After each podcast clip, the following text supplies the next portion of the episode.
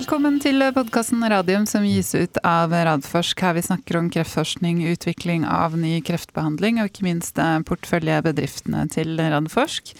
Det er blitt 19. oktober, klokken er 11.30, og dette er episode 195 som heter Nordic eh, RWE. Det var ordentlig amerikansk uttalelse her. Eh, velkommen i studio, Jonas Einarsson. Takk skal du Elisabeth. Jeg ser du prøver å gjøre to ting på en gang. Ja, det gikk ganske dårlig. Det er ikke, så, det er ikke min beste multitasking. Er ikke helt det, men nå skal jeg klare å helle med litt vann, så er vi klare. Du må ikke begynne med multitasking nå. Hvis ikke, du, hvis ikke, du, har klart det tidligere, holdt jeg på å si. Eh, veldig hyggelig å ha med oss gjester i studio i dag. Velkommen til Steinar Thoresen og Christian Jonassen. Tusen takk. Takk for det. Veldig bra. Vi kommer tilbake til eh, hvem dere er, hvorfor dere er her om litt. Vi må bare ha med oss Det er vel strengt tatt bare én nyhet fra porteføljeselskapene.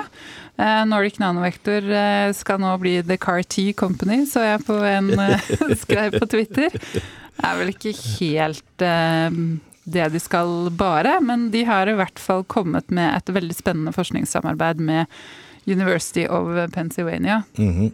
Og de her er jo ikke noen små gutter eller jenter å samarbeide med innafor CAR-T. CAR-Ts vugge. Mm -hmm. Ja.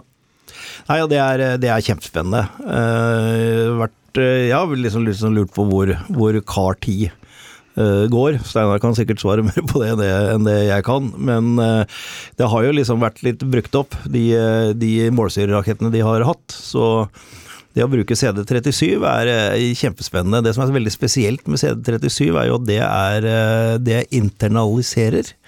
Altså det går inn i cella eh, og fester seg ikke på utsida. Og det er jo det de har brukt nettopp i betalutin, for mm. å bringe denne isotopen inn i kreftcellen og sprenge innenfra. Og om det er noe som også denne teknologien uh, tanken bak er, det vet jeg ikke, for dette er helt nytt for meg. Men veldig spennende, absolutt. Ja, veldig spennende. Jeg må si skvatt både når jeg så forskningssamarbeid og på CAR-T. Det hadde jeg overhodet ikke sett for meg. Så veldig, veldig spennende. Jeg tipper det er en av de tingene vi vil høre mer om på den kapitalmarkedsdagen deres, som fremdeles det ikke er eh, kommet noe dato på? Jeg tenker den datoen kommer nå, jeg. ja, sånn nå, liksom? ja, når de nå har eh, Jeg vil jo Vill spekulasjon, jeg vil jo tro at de ikke ville sett noen dato før de visste at de Nei. kunne gå ut med, med den nyheten. Ja, Det høres veldig fornuftig ut. Ja. Nei, men da, da, må vi gå videre. Jeg tenker at vi begynner sånn at dere, Kristian og Steinar, tar en introduksjon først av dere selv. For dere er jo ikke holdt på å si, nye, noen av dere, innafor dette feltet. Altså livsvitenskap, kreft, forretningsutvikling. Og så må dere da introdusere det nye selskapet Nordic RWE. Er det, det er sånn det skal uttales? Ja, på engelsk er det vel det. Annars så det går bra med norsk òg. Altså Nordic RVE, eller Real World Evidence, som det står.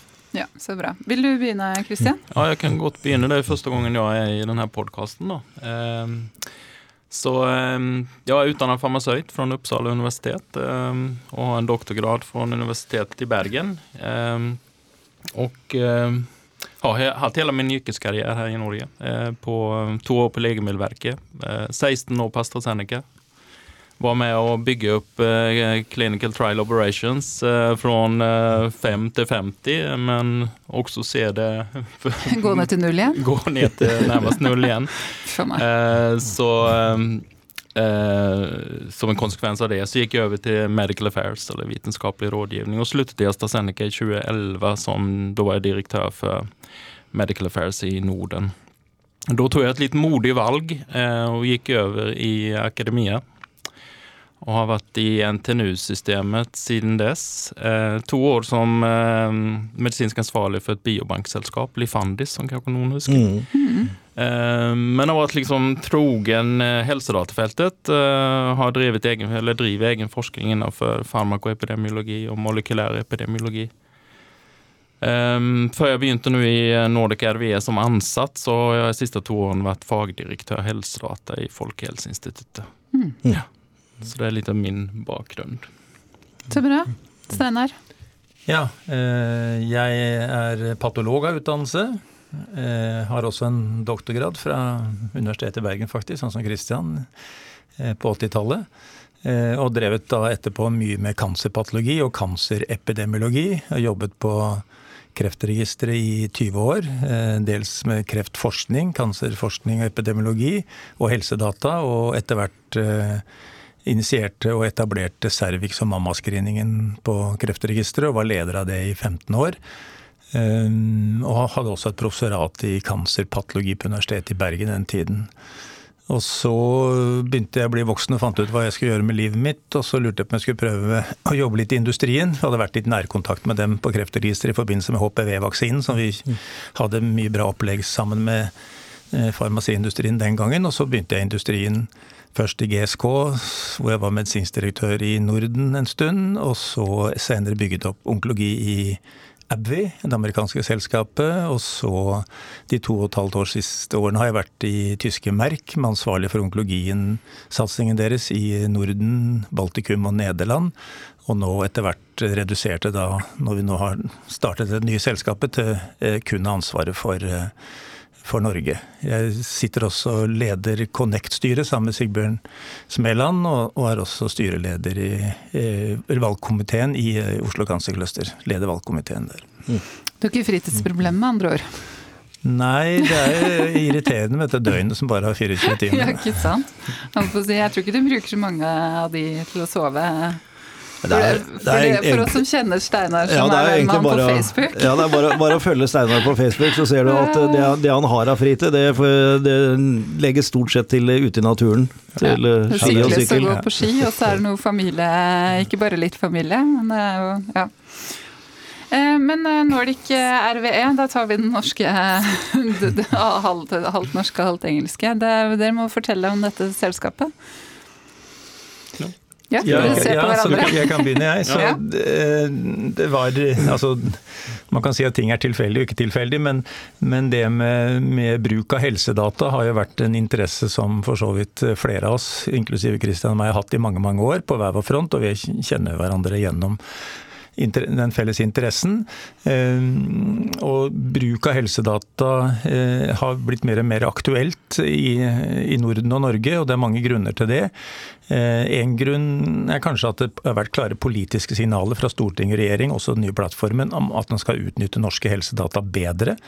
Det andre er at muligheten er der, med gode populasjonsbaserte registre, dels uten samtykke, som, som egner seg for den type forskning. Og, og, så kommer vel det tredje at persontilpasset medisin kommer på flere terapifelt, ikke minst innen kanser. Og det gjør at litt sånn gammeldags store fase tre-studier med med overall survival og, og, litt endepunkter langt ute i det blå blir mer og mer sjeldent. Og det er, bruk, det er, behov for nye endepunkter, og det er behov for å se på kliniske studier på en annen måte, og dermed også bruke helsedata på en annen måte. Det, så det er noe av bakgrunnen, da. Mm. Eh, og det er, det er, flere grunner til dette, men, men, men, det er vel noe av det som ligger til grunn. Og så er det økende interesse fra farmaindustrien om å bruke helsedata for bl.a. å få sikrere data på sine kliniske studier. Og så vil også da myndigheter som skal godkjenne eh, de kliniske studiene, og ikke minst da finansiere det, også være ja, behov for helsedata. Så der en, timingen er god for å utnytte helsedata på en mye bedre måte enn vi har gjort tidligere. Mm. Hva skal dere da gjøre? Hva kan, kan, dere, hva kan bare, dere, tilby? Ja, jeg kan bare utfylle litt. Vi er jo fem stykker som står bak denne initiativet. Det er ved siden av Steinar og meg som liksom har vårt fotfeste i epidemiologien og kjennskapen til helsedata. Så er det Kjetil Widerberg og, og Lena Numo Helli. Um, og så har vi Arnoldo Frigessi som er professor i biostatistikk på, på UiO. Eh, så vi er jo et team som har jobbet mye i folkehelsa under pandemien? Ja, hun, han har liksom spisskompetanse innenfor modellering og, og har, brukt, har vært brukt mye av Folkehelseinstituttet for å modellere utbruddet. Eh, så det er vi fem som står bak initiativet da, eh, som kompletterer hverandre fint på olika felter. Eh, vi ble etablert i 2020 og har vel egentlig jobbat iherdig gjennom pandemien egentlig og vi har spøkt litt om det i teamet at det er egentlig takket være pandemien som vi har klart å realisere det. For vi er jo travla mennesker, men det sosiale livet står på vent og reising ikke var mulig, så Plutselig litt ledig tid? Ja, blir det litt handlingsrom for å, for å kunne liksom tenke hva, hva, hva, vil vi gjøre med det her. Så, eh, Så det er litt det som har Vi kan takke pandemien, egentlig, sånn sett. Eh, men eh, ja. Bakgrunnen er jo egentlig eh, litt bare for å følge opp det Steinar snakka om, at uh, Norge og Norden har vi har verd, uh, unike helsedata. Vi har uh, fødselsnummer, vi har obligatoriske datakilder hvor vi kan følge individer uh, longitudinelt gjennom hele livsløpet, egentlig. så det er liksom en, en gyllen mulighet, da. og så, så har vi jo sett hvordan helsedata blir da viktigere. Kanskje Hvis du går sånn 15 år tilbake i tid, så var jo helsedata eller observasjonelle epidemiologiske studier viktig for å følge opp bivirkningsmønster på nye legemidler. Og det har jo lenge vært noe myndigheter eh, krever.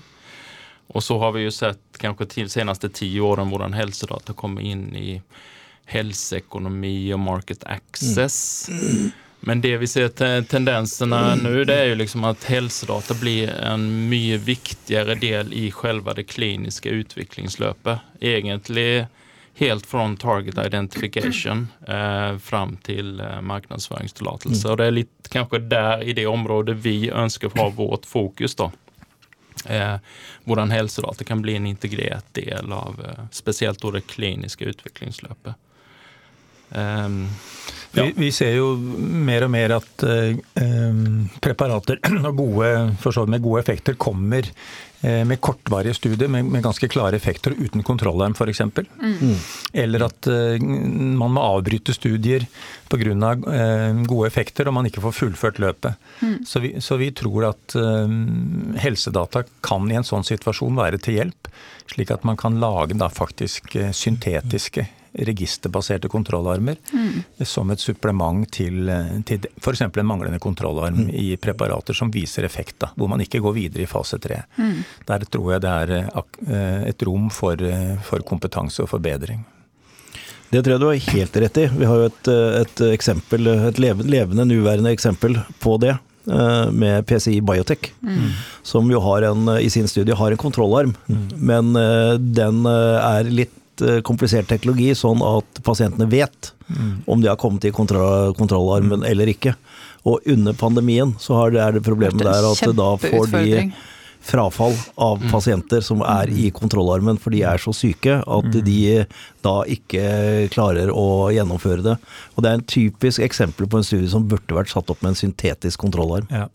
Og Det, sånne tror jeg det blir flere og flere av, og, og, der eh, tror jeg man Det er det gjerne vil vi gå inn på. da. Kan mm. vi faktisk da, basert på norske helseregistre, og i denne sammenheng da Kreftregisteret og NPR og andre registre, f.eks. Inspire, lage oss eh, syntetiske kontrollarmer ved hjelp av kunstig intelligens og maskinlæring. Mm. Så man får et slags sånn bibliotek å hente fra. Mm. mm.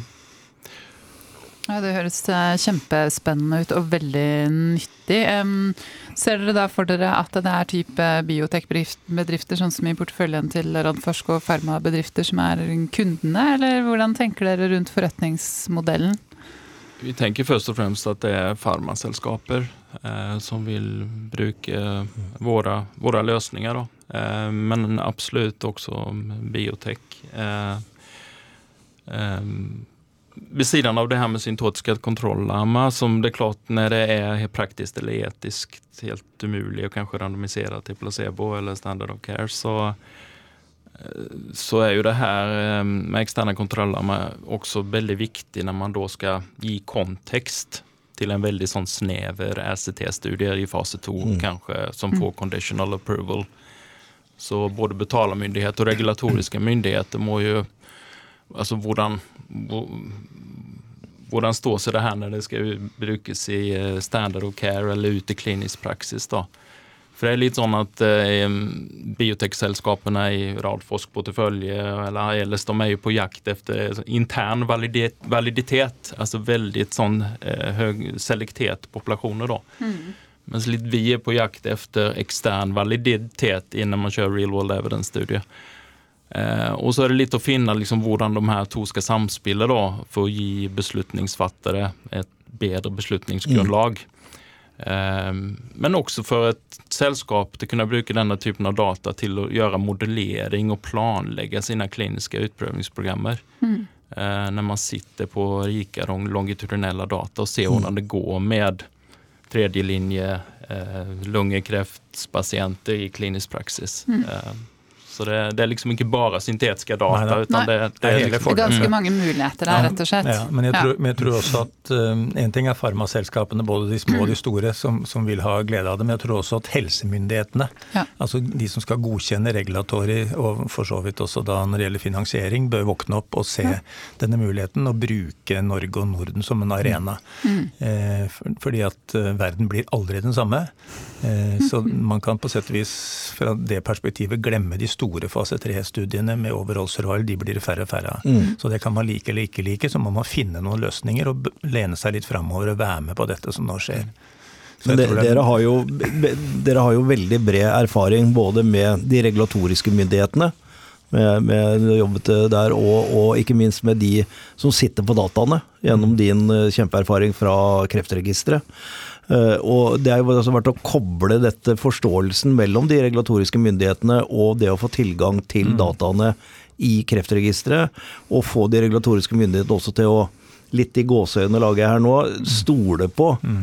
disse real world evidence-dataene. Det er vel den store utfordringen ja. dere har? Ja da.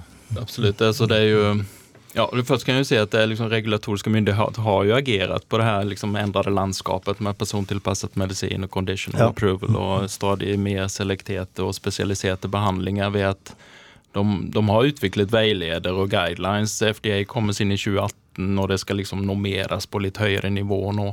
Og EMA har også igangsatt et sånt Big Data Task Force-initiativ. så Eh, regulatoriske myndigheter er på vei i denne retningen, da. men eh, som alltid i denne bransjen så tar det jo Det er liksom konservativt, det tar litt tid. og mm.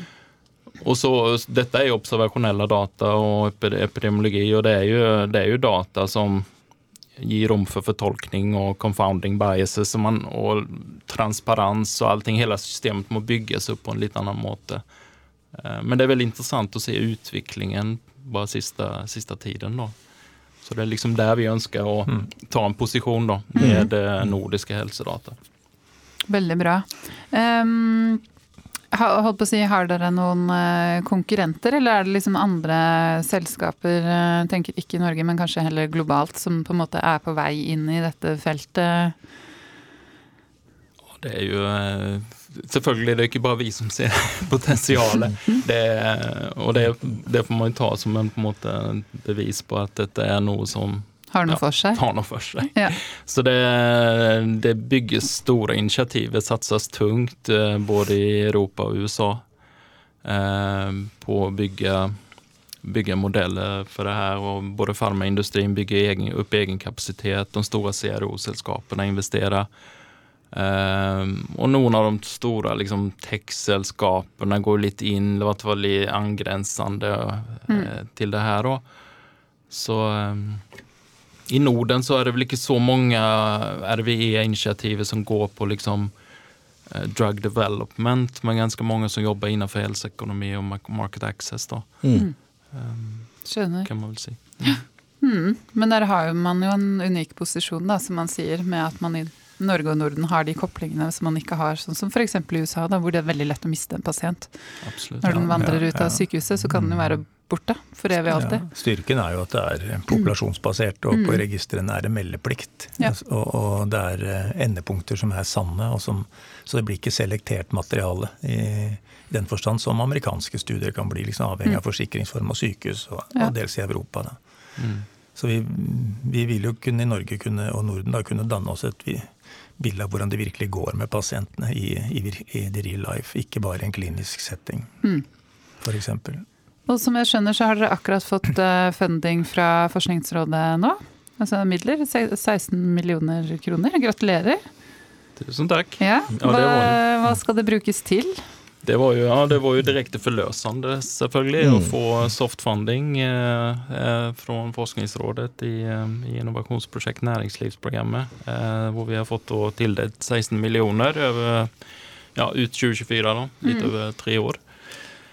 Um, og der skal vi da, som vi har fortalt om, eh, eh, fokusere på to områder. Det ene er det vi har vært innom, det med eksterne kontrollarmer.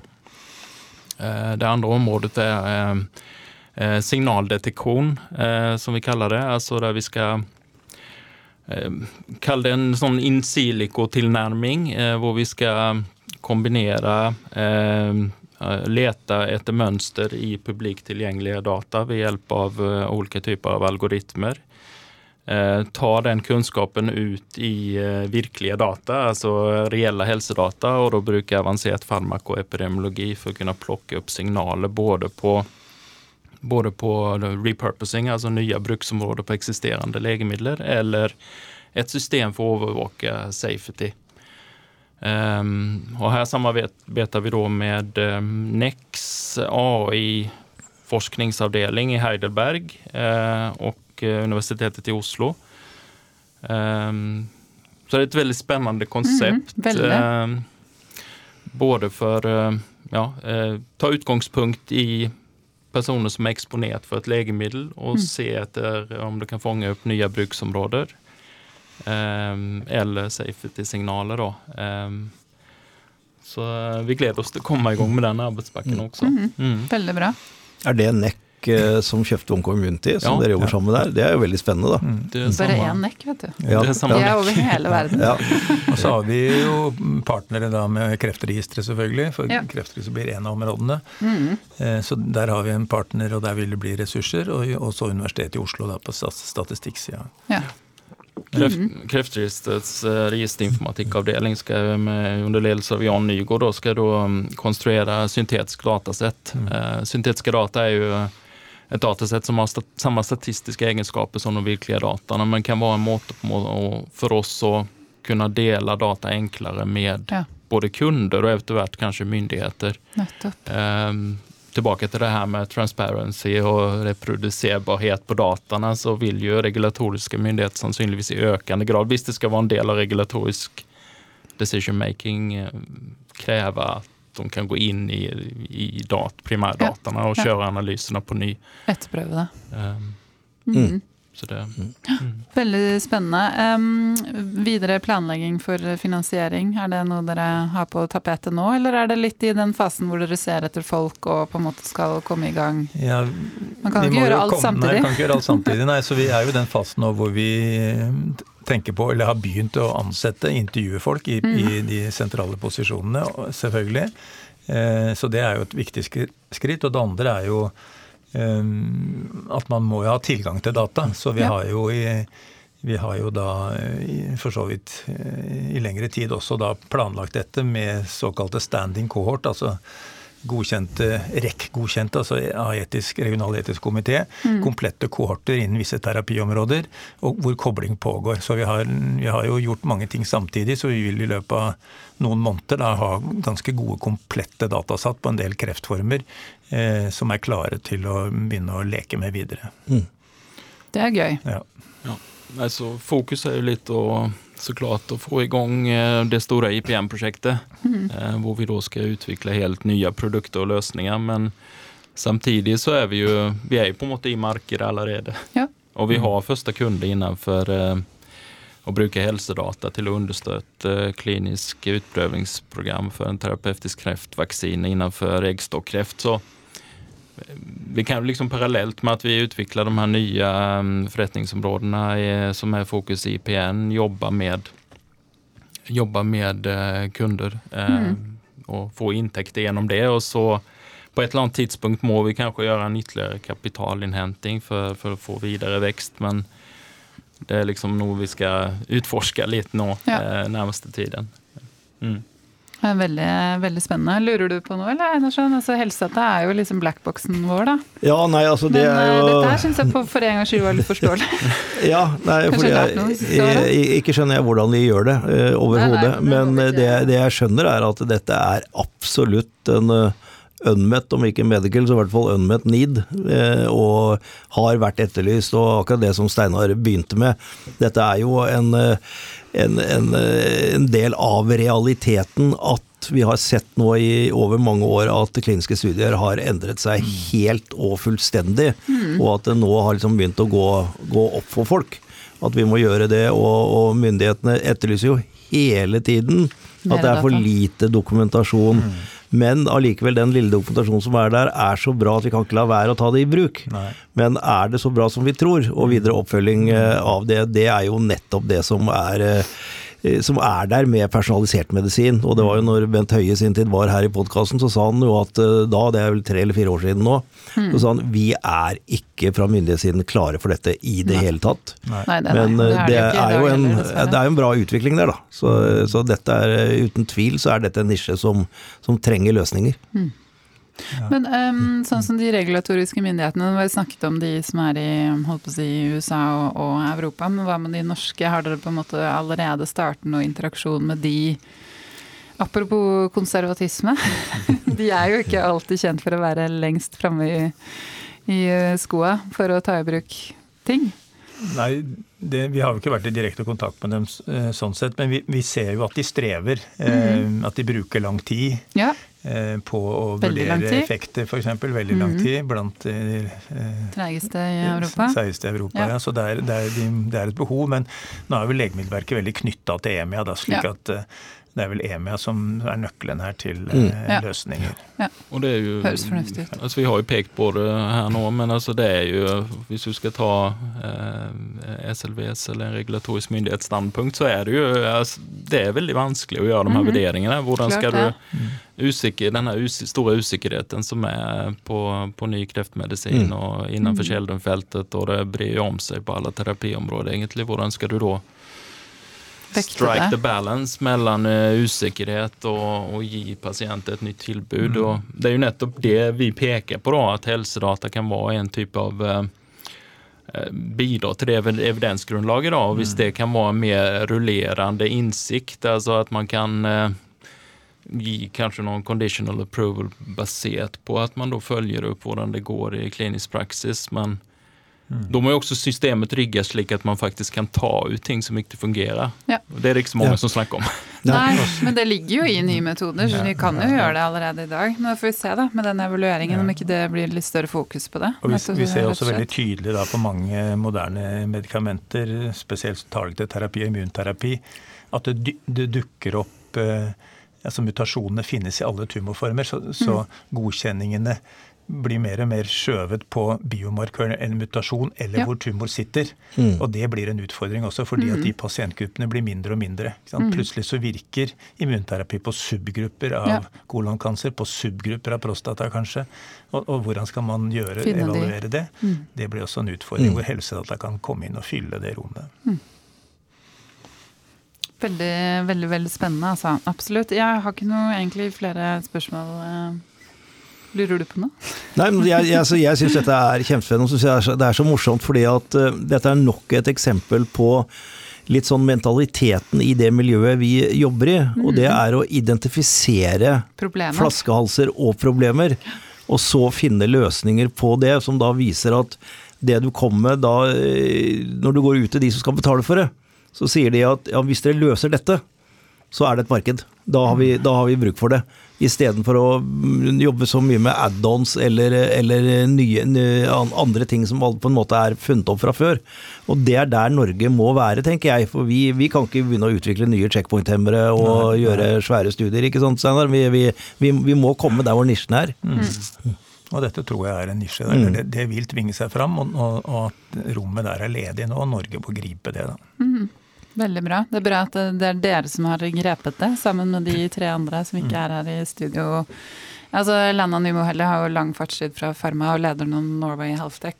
Kjetil Widberg kan jo data fra Photocure og leder jo Oslo Ganscluster. Og Arnaldo nevnte vi også, en kjempedyktig biostatistiker så det er jo Dream var, Team. Som vel var med oss i en podkast. Ja, ja han har vært her. Absolutt. Fordi han har vel et sånn kreftprosjekt sammen med Kjetil Tosken, om ikke jeg husker husker helt uh, feil. Mm. Så det ja, veldig, veldig, veldig gøy. Um, jo, det er en ting, siste ting jeg lurer på. For jeg tror per nå så sitter dere vel på hjemmekontor, men uh, dere, skal dere ut og lage dere et fysisk kontor? Eller er det sånn dere er så digitale at det Nei da, vi må, vi må, jo få oss et kontor, og vi, vi, har jo søkt om medlemskap her i OCC, så vi får se om styret godtar oss.